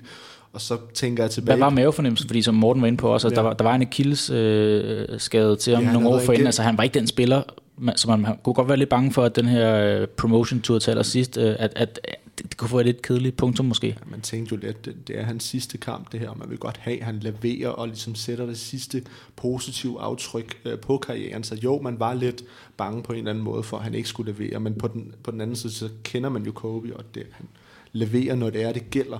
Og det er altså, og det gjorde det her den sidste kamp. Man kan så sige, spilmæssigt så startede han lidt halsløvt, hvor han brændte, jeg tror det var de første 5-6 skud, som ikke gik i, og så tænkte man, okay. Men så begyndte han stille og roligt at ramme, og som Kobe så gør, når han bliver varm, så bliver det bare ved. og så endte vi jo så med den famøse 60 points øh, til sidst. Der står her i ESPN's øh, match report for den kamp, der står der øh, zero shots made by Bryant in the first six minutes. Altså det, han, han brænder mm. alle sine skud i de første 6 minutter. Der sad han måske med lidt panderynker og tænkte, åh oh, nej, hvad bliver det for, for en afslutning her? Morten, kunne man se på ham i, i kampen inden den her aller sidste kamp, at han måske lige tog luft ind til en sidste kraftanstrengelse i den aller, aller sidste kamp? Det synes jeg faktisk ikke. Nej, ja, fordi hvis der er en ting, jeg, jeg vil give Kobe, det er, at han altid gav den fuldt ud. Der har aldrig været nogen fridage, når han har uniformen på? Nej, ikke, ikke når det kommer til den grad. Altså det, det kunne han aldrig tillade sig selv. Um, han kunne tage defensiv spil af hister her, men der var det altid med, med et hens, henblik på ligesom at give sig selv noget mere energi offensivt, for eksempel. Så der var altid sådan en, en mening med galskaben, når han gjorde noget. Uh, han, han var bare ikke typen, der ligesom satte sig ned og så sagde, ah, jeg skal lige have mig en pause. Det var ikke sådan, han var. Øh, så den der 60 pointers, det, det kom bare fra en, et sted af rå vilje, tror jeg. Man kan sige, det har jo måske også bidt ham lidt med de skader, han så fik senere i sin karriere, det her med, jeg kommer ikke til at sidde, sætte mig ned, uanset hvad, og han spillede for mange minutter i slutningen af sin karriere, fik den her akillessenskade, kom så tilbage igen og fik noget med en skulderskade også bagefter, så man kan sige, på den måde har det bidt ham lidt øh, bagefter, han har spillet så så mange minutter, øh, men ja, han vil bare ikke. Og lad, lad os sådan prøve at tage sådan øh, slavisk igennem den her sidste kamp, altså som I siger, han, han starter skidt med at brænde øh, de, de første mange skud og sådan noget, men, men så er det en kamp, der går ned til det aller sidste, altså en tæt kamp til, til de sidste minutter, og så tager han fuldkommen over til det aller sidste, altså sådan, øh, der sidder man bare og tænker sådan, åh oh, nej, KB, hvorfor stopper du nu? Du, der er måske stadigvæk øh, meget mere i sig. Det er lige præcis, det er jo det, man sidder og tænker, når han til sidst bare rammer alle de her skud i træk, og så kommer han først op på 40, og så tænker man, okay, prøv at du kan godt slutte med 40. Det er egentlig meget fint, og så bliver han bare ved og rammer så de 50, og så til sidst kommer han op på de 60 point der. Øhm, så han slutter sådan i det med den her streak, som han havde, havde gang i på det tidspunkt. Øhm, så en rigtig flot afslutning. Han laver Lakers sidste 13 point, altså de her øh, ja, karakteristiske to sidste straffekaster, så bliver han øh, skiftet ud med, med et par sekunder tilbage på uret, altså sådan, øh, den kunne ikke være skrevet bedre, den, øh, den afslutning på en øh, 20-årig flot karriere. På, på ingen måde. Jeg, jeg sad faktisk og dækkede kampen på Radio 24 direkte, øhm, sammen med en kammerat, som er Lakers-fan, og øh, altså, det var, det var utrolig emotionelt. Øh, hvad hedder det, han sad og havde tårer i øjnene, det havde vi begge to rent faktisk, fordi det var simpelthen, vi havde ikke set noget lignende før. Som rent når spiller, spiller deres sidste kamp i NBA, så er det fordi, de er virkelig altså, horrible, og det er tid til at, at, at, at tage dem op på gården upstate, øhm, hvor de slutter uhyre ringe. Så det her var jo noget, man aldrig havde set før, og bliver jo, altså, ja, indiskutabelt i mine øjne i hvert fald, nok den bedste sidste kamp af en spiller nogensinde, øh, som der har nået afslutning af, af sin karriere. Øhm, så vi sad jo der, og det var, det var helt vildt, og vi, vi havde værter, der stod, stod sad over for os, som slet ikke havde nogen interesse i basketball. Og de var klistret til den her skærm, der var bag ved os. Det var vanvittigt. Altså, det var mennesker, som der måske kun kendte Kobe Bryant på den bane, og ikke et hak andre. Og de stod der, og jeg har aldrig set så stor intensitet for sådan nogle værter, der ikke vidste sådan særlig meget basketball. Det var, det var meget specielt. Meget sjovt i forlængelse af det, så sad jeg også derhjemme i stuen om morgenen og så kampen. Var lidt højt råbende, og min mor var stået op på det tidspunkt, og hun interesserede sig ikke for basket på den måde, men hun blev også bare helt taget af det. Og altså, man, også selvom du ikke har nogen kendskab til sporten, du ved, du skal ramme ned i en kur, og det er sådan set det, det, hun ved om det, men du bliver bare reddet med af det hele. Og så en meget sjov historie til det også er, at ham og Shaq, de snakker jo så lige inden kampen, eller et par dage inden, hvor at Shaq så laver en challenge til, til ham og siger, prøv at, høre, prøv at se, om du kan ramme 50 i den her kamp. Og så rammer han så lige 60 point i stedet for. Det skulle også meget sjovt. han skulle lige overgå Shaq. Ja, selvfølgelig. Det skulle det. det.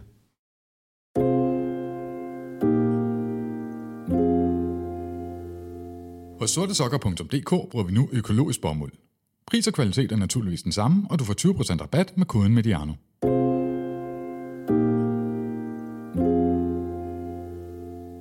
Vi har talt en hel masse om uh, spilleren Kobe Bryant. Nu skal vi uh, rette blik lidt omkring uh, personen om Kobe Bryant, og især om uh, tiden efter hans aktive karriere. Vi var inde på de her 20 år fra uh, 96 til 2016, der altså fik den uh, flotteste afslutning med de her 60 point, som vi lige har omtalt. Uh, vi har også været inde på det tidligere, født uh, i Philadelphia med en afstikker i Italien, grundet uh, farens uh, lyst til at spille uh, uden for de amerikanske landegrænser, så hans uh, hjemvenden uh, i, i en alder af 13 år, så uh, hans... Uh, start i NBA som 18-årig, men øh, kunne godt tænke mig at vende lidt hans, hans betydning for Los Angeles. Nu har talt meget om, hvad han har betydet for franchiset øh, LA Lakers i 20 sæsoner, øh, men hvad betyder han også for, for, for byen? Altså var han ligesom også øh, et ikon, øh, en som man, øh, man talte rigtig meget om, hvis man ikke interesserede sig for hoops og basketball? Jamen absolut. Så LA er jo altså stjernernes by, det ved vi. Men, så han havde nogen at konkurrere med? Jamen sjovt nok, så alle dem, som han angiveligt skulle konkurrere med, de så op til ham. Fordi i Los Angeles, der er Lakers altid konge, selvom når de er gode. Der har du alle de der store skuespillere, som milliarder af mennesker kender. De kommer til kampene, og der er de altså niveauet under. Der er de ikke the main attraction. Uh, jeg peger ikke engang kun på Jack Nicholson, som har siddet på sidelinjen i mange år. Altså, vi snakker de helt store. Brad Pitt, Leonardo DiCaprio, alle dem her. Det er dem, som der står på, uh, på de gode pladser. Og når kameraet ligesom viser dem, så er det bare sådan, åh, oh, der er Leo, der er Brad. Nå, ja, tilbage igen til kampen, for det er faktisk det, der er vigtigst, det er Kobe og hvad der nu ellers er. Så, så på grund af, at han havde den status der, så var han jo altså, højt, højt elsket. Jeg tror, det der skiftede med ham, det var også, i 2007 var han jo rent faktisk tæt på at forlade klubben til fordel for Chicago Bulls, og nægtede simpelthen øh, den trade-pakke, det han havde, hvad man kalder en no-trade-klausul, så han kunne faktisk sige nej tak til at blive traded. Og det er ret øh, det er ret vigtigt. Det er usædvanligt. Det er ret usædvanligt. Du skal være en meget speciel status derfra. Og den eneste grund til, at han ikke øh, var en Chicago Bull, var fordi, at Lakers havde krævet at få Luol Deng med i, i sådan en trade-pakke, og Kobe sagde nej, for jeg vil gerne spille med Luol Deng. Og så kunne de to sider simpelthen ikke finde ud af en trade, der virkede. Så efter det skete, var Lakers fans for, og, og, og LA-miljøet sådan lidt, hvad skal vi egentlig synes om Kobe Bryant lige nu, fordi det virkede til, at han gerne ville væk. Og, men Kobe var i stand til at sige, okay, nu, nu giver vi det et skud. Jeg, jeg rigtig dedikerer mig fuldstændig til Lakers-organisationen, og nogle måneder efter kom Pau Gasol ind, og så ændrede det jo fuldstændig altså hele opfattelsen af, hvad, altså, hvad det hold var. Og så kørte alt på skinner derfra. Så jeg tror, det var der, der ligesom kom et skift. Det var, da han rigtig dedikerede sig til byen. Inden da var han utrolig populær. Selvfølgelig, han havde vundet mesterskaber, dog med Shaq. Men han havde hele tiden været sådan en, en flight risk, som man kalder det, fordi at Lakers kunne ikke rigtig finde ud af at bygge op omkring ham efter årene med Shaq. Så da han ligesom valgte at sige, nej, nu, nu stopper vi det her, nu gør vi det rigtigt, så, øh, så alle fuldt med. Altså folk, stjerner, alt det her, og der begyndte at komme, ligesom vi også så efter hans, hans, øh, hans død, der begyndte at blive malet alle de her malerier af ham rundt omkring i bybilledet, og øh, så, så han har en meget stor betydning, også bare kulturmæssigt. Altså i, i USA er det meget kendt, at man tager, og det gør man også herhjemme, men i, i mindre grad, at når man sidder på et kontor, så hvis man skal smide noget ud i skraldespanden, så folder man et stykke papir sammen, sparker lige til skraldespanden, som kommer lidt væk fra en, og så siger man Kobe, inden man kaster den ned i, eller misser på den sags sådan skyld. lidt tilbagelænet. Øh, ja, Ja, så, man skal lige så hans sig lidt tilbage. fadeaway jumper der. Ja. Præcis. Det har man øh, set en kollega eller to gøre undervejs. Hvad med, øh, Sonny, i forhold til, når man set, uh, Shaq kunne godt lide at fordrive øh, tiden på golfbanen. Uh, Steve Nash var en kæmpe fodboldfan, også en ret habil spiller sig selv, uh, stor fan af Tottenham Hotspur. Um, Kobe, der var også noget med ham og, og fodbold, øh, altså fra hans øh, tid i Støvland blandt andet også. Ja, kvæg han har boet i Italien i syv år, så var han jo rigtig stor AC Milan-fan også, og gik meget, altså var tit over til træningerne også, og se nogle kampe også på stadion. Så det har betydet rigtig meget for ham, og det kan man så også se, de har jo så også givet rigtig meget tilbage til ham. Selvfølgelig har der været alle de her tribute-videoer til ham. Det er sædvanligt et minut stillhed og sådan, så det har han haft et rigtig tæt forhold til.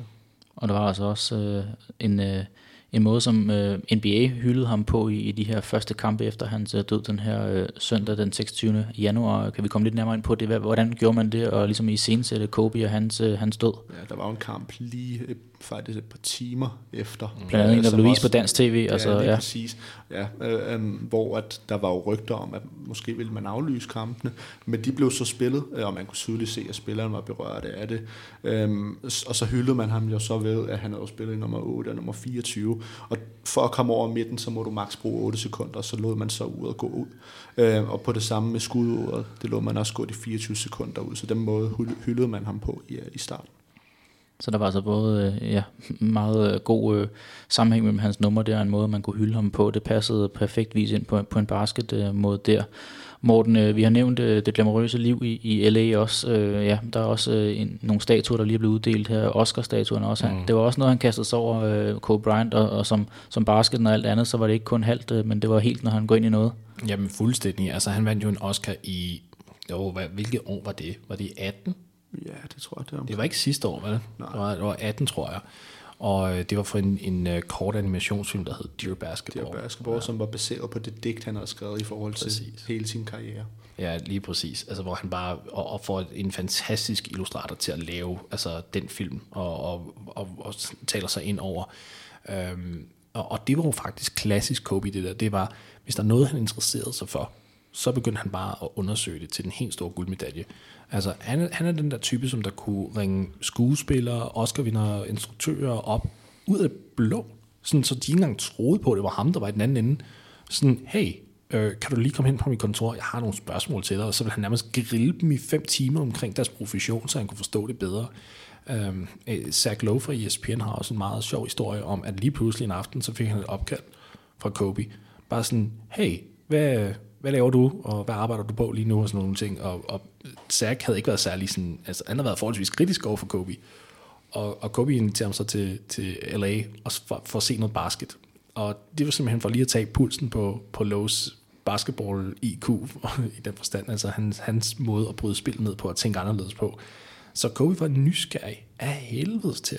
Og den nysgerrighed tog han med sig hen til, til altså efter karrierens udfald, og, og var, var nysgerrig inden for alt, hvad han lige sådan kunne, altså, kunne, kunne komme i fat, altså, altså få fat på, ærligt talt. Altså, nu, kør, nu rejste han jo øh, i helikopter, hvilket desværre meget, endte meget tragisk, men det var jo noget, han havde gjort i mange år, sådan, så han havde, han havde også en nysgerrighed inden for det, han havde en nysgerrighed inden for, som jeg har sagt, film og ungdomstræning, han, han havde jo startet akademiet til sin datter Gianna, og altså, der, alt hvad han havde lige pludselig fanget hans, hans interessefelt, så gik han all in på det. Alt hvad han satte sig for, det var ligesom, det, det skulle gås igennem. Ikke? Og man kan så også sige, han var jo også i sin senere år, efter han stoppede sin karriere, så det han rigtig gammel være, det var den her storyteller. Og det, først så kom det øh, i den her film, de her basketball, men også mange, han har udgivet rigtig mange børnebøger også, hvor han godt kunne lide at være den her storyteller. Øh, så det var det, han havde ligesom besluttet sig for, at det var det, han ville lave lige nu. Og det ville han ligesom føre i mål med. Så han havde fået flere tilbud på, på flere tv-hold, ligesom Shaq er det nu, og Charles Barkley også, om at være sådan en kommentator derinde, men det ville han ikke lige på nuværende tidspunkt. Der ville han være den her storyteller, og det var han så også rigtig god til. LeBron James siger også i den her øh, afskedstale, som der kom i den første kamp, ligger spillet efter Kobe Bryants død øh, mod Portland øh, Trailblazers. Der siger han også, at, øh, at, at han i hans år efter øh, karrierestoppet dedikerede sit liv til at være den bedste far, han kunne være nogensinde. Altså, så familielivet, I var også inde på det omkring den her krise, der var efter, efter sagen i Colorado også, at, at han følte han måske, han skyldte lidt efter, at, at de har levet på hans præmisser i så mange år, at han, han skulle give tilbage nu her. Det var også en del af det. Altså, så endte det så på, på tragisk vis med, at det var sammen med hans ene datter, han døde. Altså, men mm. det var også i en, i en, i en, øh, i en ting sammen med, øh, med et familiemedlem. Altså, det, det siger måske også noget om den måde, Kobe han videde sit liv til efter hans aktive karriere. Ja, lige præcis. Han havde jo rigtig nært forhold til alle sine døtre, og især Gianna, som også uheldigvis var ombord på helikopteren. Og historien bag alt det her med helikopteren, det er jo, at årsagen til, at han købte den her helikopter efter jeg tror det var et år inden han stoppede sin karriere, det var det her med, at han rigtig gerne ville bruge mere tid sammen med sin familie. Øhm, og hun spillede også basketball, datteren der. Ja, lige præcis. Hun var den eneste faktisk af døtrene, der spillede basket, og han var jo med hende over alt til alle øh, træninger og sådan. Og hun var også et rigtig lovende talent øh, på den måde. Øhm, så han ville jo tilbringe rigtig meget mere tid med dem, øh, netop i sted, og så undgå den her rejsetid, der var. Øh, så, det, så det gør det også endnu mere trist, at det var årsagen til det. Og så lavede de jo så også en aftale, Vanessa og ham, om at hvis det var, at de skulle flyve i den helikopter, var det kun en af dem, der skulle flyve, hvis der nu skulle ske noget. Og det, det var så det, der indtraf. Vi har snakket lidt om uh, hans betydning i Los Angeles, og i Staples Center hænger både hans uh, nummer 8 og hans uh, nummer 24, altså for evig tid uh, retired jerseys der. Um, noget, der også var på tale her efter hans, hans tragiske død, det er også, at han skulle øh, blive inkorporeret i NBA's logo, altså det logo, der lige nu er, hvor det er en silhuet af en tidligere liggerspiller, Jerry West, som der, som der er der. Altså, der har været tale om, om man simpelthen skulle, skulle relancere et nyt NBA-logo. Altså, hvad, hvad, hvad tænker I om alle de tanker omkring? Altså, er det noget, der skal ske, og, og, og, og kan I se ideen fra NBA's side af? På ingen måde. Det her det er, for, det er en reaktion på, at det her det skete som et chok. Var, var Kobe gået bort i en alder 88, så havde det aldrig nogensinde kommet på tale fantastisk spiller, fantastisk talent, det har intet med det at gøre, men det er bare der, hvor man lige går den, tager den et skridt for langt. Øhm, NBA-logoet er så ikonisk, øhm, at, at hvis det skulle ændre, så skal der mere omtanke og mere planlægning i det. Og hvis det så ender med at skulle være Kobe, så skal det ikke være på baggrund, baggrund af hans tragiske død. Det synes jeg, jeg synes faktisk, at hele den samtale, den var ret fornærmende over for hans arv, hvis jeg skal være helt ærlig. Ja, men jeg kan godt se, øh, følge dig det, du siger, Morten. Øh, og altså jeg kan heller ikke, jeg kan godt se ideen i det lidt, og det har også rigtig meget at gøre med, at det lige er for så folk vil have en eller anden, altså der skal være reaktion på det her. Der har været rigtig mange indsamlinger øh, på de sociale medier, som også har indsamlet rigtig mange underskrifter, men jeg kan heller ikke rigtig helt se det for mig, at øh, de ændrer det her logo, og så synes jeg også, der er andre måder at hylde ham på, end ved at ændre logoet. Ja, jeg har, jeg har faktisk en ret god idé, som jeg selv mm. er meget stolt af, fordi sådan er jeg åbenbart. Øh, der er en pris i NBA, der hedder Most Improved Player. Så den går til den spiller, som der har forbedret sig mest fra det ene år til det andet. Er der noget andet, der definerer Kobe bedre, end at være en spiller, der opnår sit potentiale? Nævn den pris efter ham, eller opgave, kald den pris hans, altså The Kobe Bryant Most Improved Player of the Year Award. Det giver dig langt mere mening, og det er sådan en, man kan støtte op omkring, fordi det, det passer fuldstændig til hans DNA. Det er det der med, han vil ikke forlade en gymnastiksal, hvis ikke han kunne mærke, at han blev bedre til det. Mm. Den er oplagt. Og det lå måske heller ikke lige kort, at han skulle ende som øh, ja, 18 gange All-Star og 5 gange mester, altså og, og, og være øh, frontfigur på et så ikonisk franchise som LA Lakers i, øh, i 20 sæsoner. Så det er måske en meget fin tanke, at man skulle øh, omkalde en, øh, en af de her øh, årlige tilbagevendende awards efter Kobe Bryant. Ja, så synes jeg også, at de gør rigtig meget i ligaen også, for ligesom at hylde Kobe, og det synes jeg betyder mere, end at man ændrer logoet. Det her med, mange spillere har jo valgt at skifte trøjenummer, mm. for at hylde Kobe, og gået væk fra nummer 8, fra nummer 24. Uh, Quinn Cook, som spiller for Los Angeles Lakers, har også skiftet nummer for at hylde ham, også en rigtig stor Kobe-fan også. Så jeg synes, alle de der ting, det betyder mere end selve logoet, uh, ændringen i det. Hvad fortæller de jer, sådan, øh, for nu nævner jeg, at, at, at der er blevet gjort en hel masse ting internt i basketmiljøet og i NBA-kredse, men også at man har set uh, ja, Neymar, som der var altså udtalte kæmpe uh, Kobe Bryant-fan, og har fundet stor inspiration i hans fodboldspil i, i forhold til Kobe også. Altså han render rundt og varmer op i en Kobe-trøje til øh, Paris Saint-Germains officielle kampe, altså nede på opvarmning, eller på, til, til opvarmning på træningsbanen dernede, der, altså sådan, at det har berørt så mange, som der måske ikke lige har øh, en, en fast hånd i NBA. Jamen det er jo fordi, alle folk, lige meget hvad man, hvad man kan lide af sport, kan altid blive forført af rå kreativitet og excellence.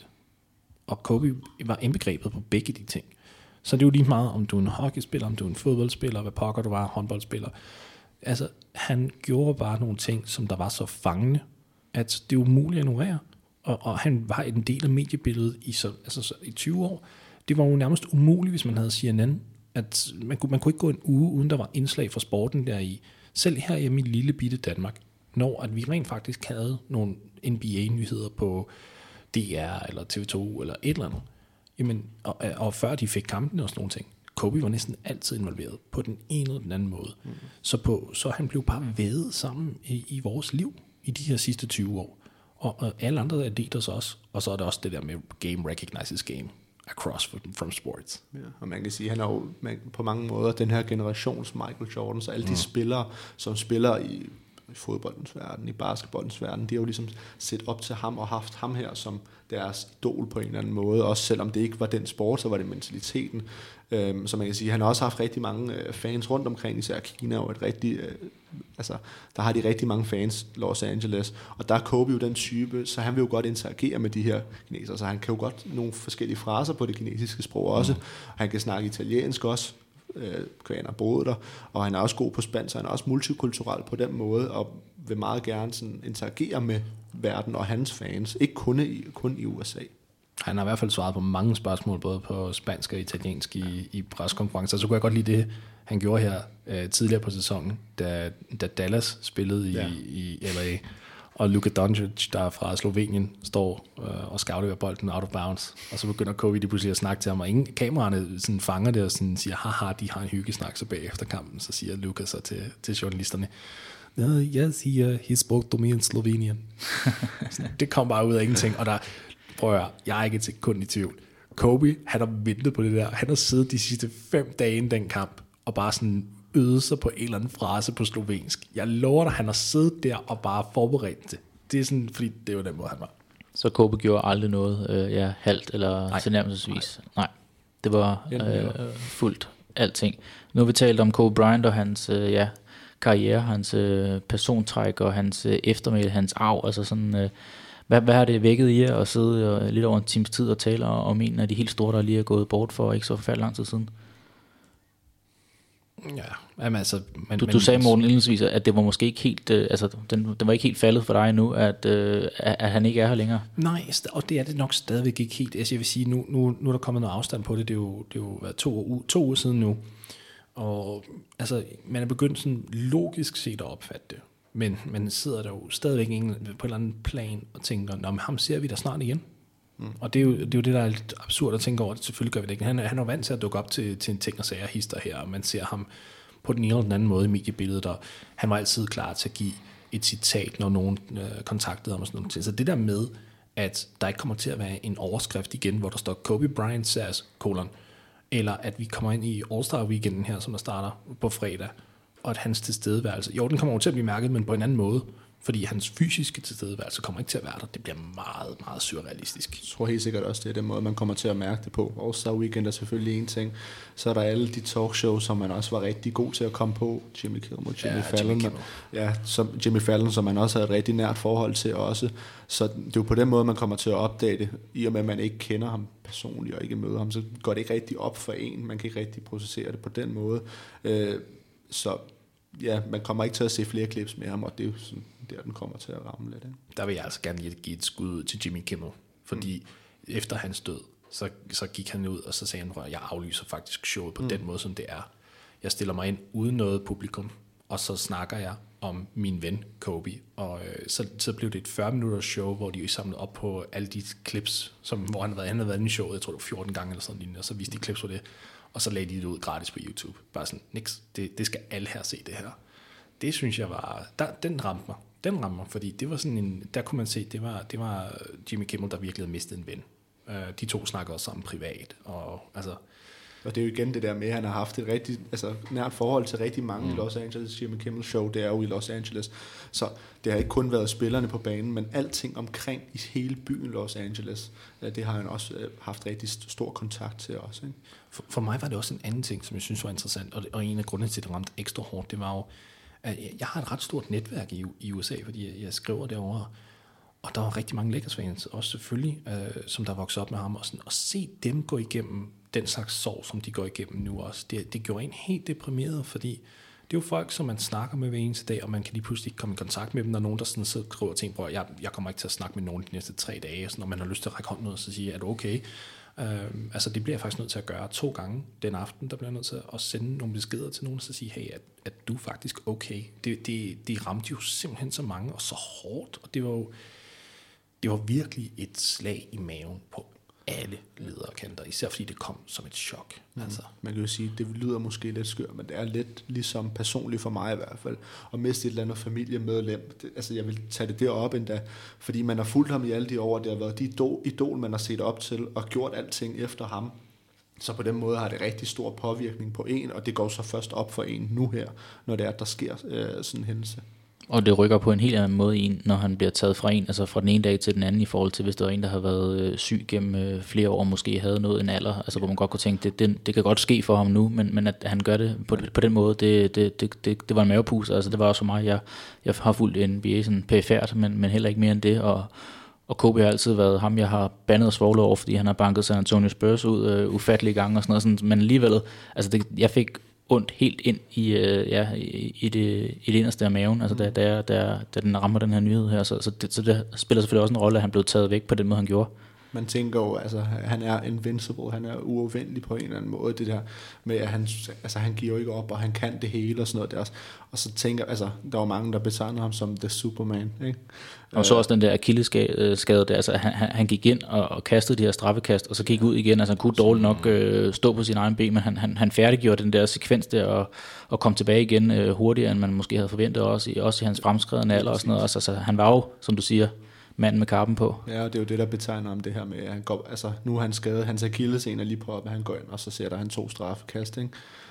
Det, og, og den her skade med akillescenen er jo, hvor man har set førhen mange stjerner, de har jo ligesom gået på pension efter de her skader. Jeg tror, det var Shaq og Hakim også, som havde lignende skader, og kom ikke tilbage som den spiller, de var. Og det havde han jo også i sit hoved. Jeg så, så, så en dokumentar her tidligere i dag, hvor man ligesom fulgte hele den her skadesperiode, og var inde i hans hoved, og hvordan han tænkte. Og det fjolede ham bare endnu mere, det her med, der var ikke nogen, der havde gjort det her. Og kommet tilbage efter sådan en skade, og været sig selv på den måde igen, det skulle han kunne gøre. Mm. Men der, og der er også et medie, altså perspektiv til det her. Ikke? Altså, altså os, der sidder og har kigget på en stats og skriver om ham, både på, på Facebook og på artikler og sådan nogle ting. Man sidder jo og kaster timevis af sin egen opmærksomhed ind i den her mand, og har gjort det i overvis. Altså jeg ved det, når jeg sidder og skriver, jeg, jeg har da nok skrevet i mit liv omkring 100 artikler, hvor at Kobe har været en, en, spillet en, en, en meget stor rolle i sådan en artikel, hvor jeg har siddet og skulle research og bruge timer, timevis på hver artikel i form af research. Det, så bygger man jo bare det her forhold på den ene eller anden, et tilhørsforhold til den her person på den ene eller den anden måde, fordi altså, så lad, os, lad os sige, at jeg har brugt tre timers research, jeg har været 300 timer deromkring på, på Kobe, udelukkende bare for artikelskrivning, slet ikke nævne alle de mange, mange timer, hvor jeg har siddet og set kampe med ham, som også altså, runder op til et par tusind i sidste ende. Det er en rigtig stor del af ens liv, der lige pludselig bliver brugt på det. Mm. Og det, så kan man jo nærmest ikke lade være med at, at få en kæmpe klump i halsen, altså når sådan noget sker. Det er jo det er meget surrealistisk. Det, er, det ord, jeg har brugt mange gange i dag, men, men det er stadigvæk Det er det eneste ord, man sådan rigtig kan sætte på det. Surrealistisk. Det, ja. ja, det er altså ikke kun øh, de to herrer i studiet, der er blevet berørt af det her, som vi også øh, har set, altså både på, på sociale medier og andre nyhedskredse, hvor meget det har berørt øh, folk, som der ikke begår sig inden for basketverdenen. Det er blandt andet også derfor, vi har valgt at, at sætte os sammen med, med Morten og Sonny og lave en udsendelse med dem som Mediano Legends. Altså det er jo primært har været fodboldudsendelse indtil nu, også med, med nu levende øh, spillere, men øh, det her er altså lidt en særudsendelse, fordi vi mente, at øh, Kobe Bryant og hans øh, betydning både for NBA og for basketball, men også for, for ja, det kompetitive liv generelt, det fortjener altså en lille hyldest til os. Så øh, Sonny Singh og øh, Morten Stiensen, tusind tak, fordi I har lyst til at dele øh, ja, halvanden times tid med os. Mange tak.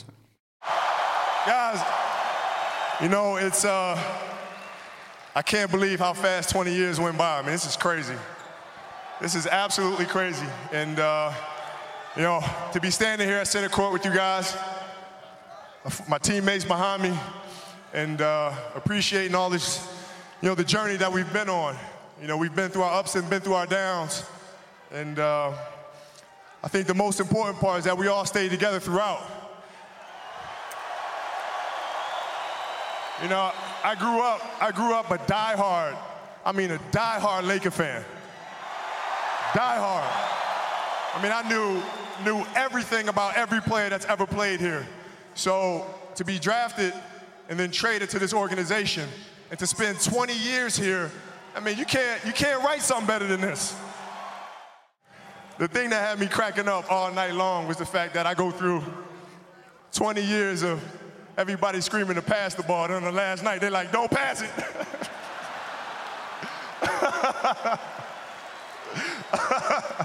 this has been this has been absolutely beautiful, you guys. I can't believe it's come to an end. Um, you guys will always be in my heart, and uh, I sincerely, sincerely appreciate it. No words can describe how I feel about you guys, and uh, thank you, thank you from the bottom of my heart. I, God, I love you guys, and uh, I love you guys, and uh, my family to my family, my wife Vanessa, our daughters Natalia and Gianna, you know, thank you guys for all your sacrifice. You know, for all the hours I spent in the gym working and training. And Vanessa, you holding down the family the way that you have. I, I, I can't, there's no way that I can thank you enough for that.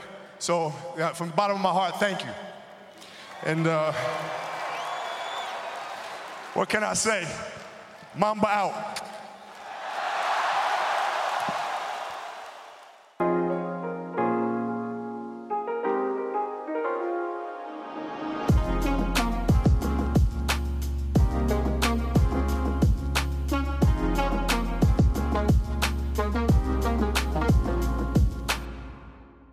Denne udsendelse var produceret af Mediano Media og sponsoreret af Arbejdernes Landsbank, Medianos hovedpartner. Og så er vores nye partner, sortesokker.dk, partner på hele serien Mediano Legends. Dem hørte du også lidt om i udsendelsen, fordi de er en vigtig årsag til, at vi kan lave dette indhold.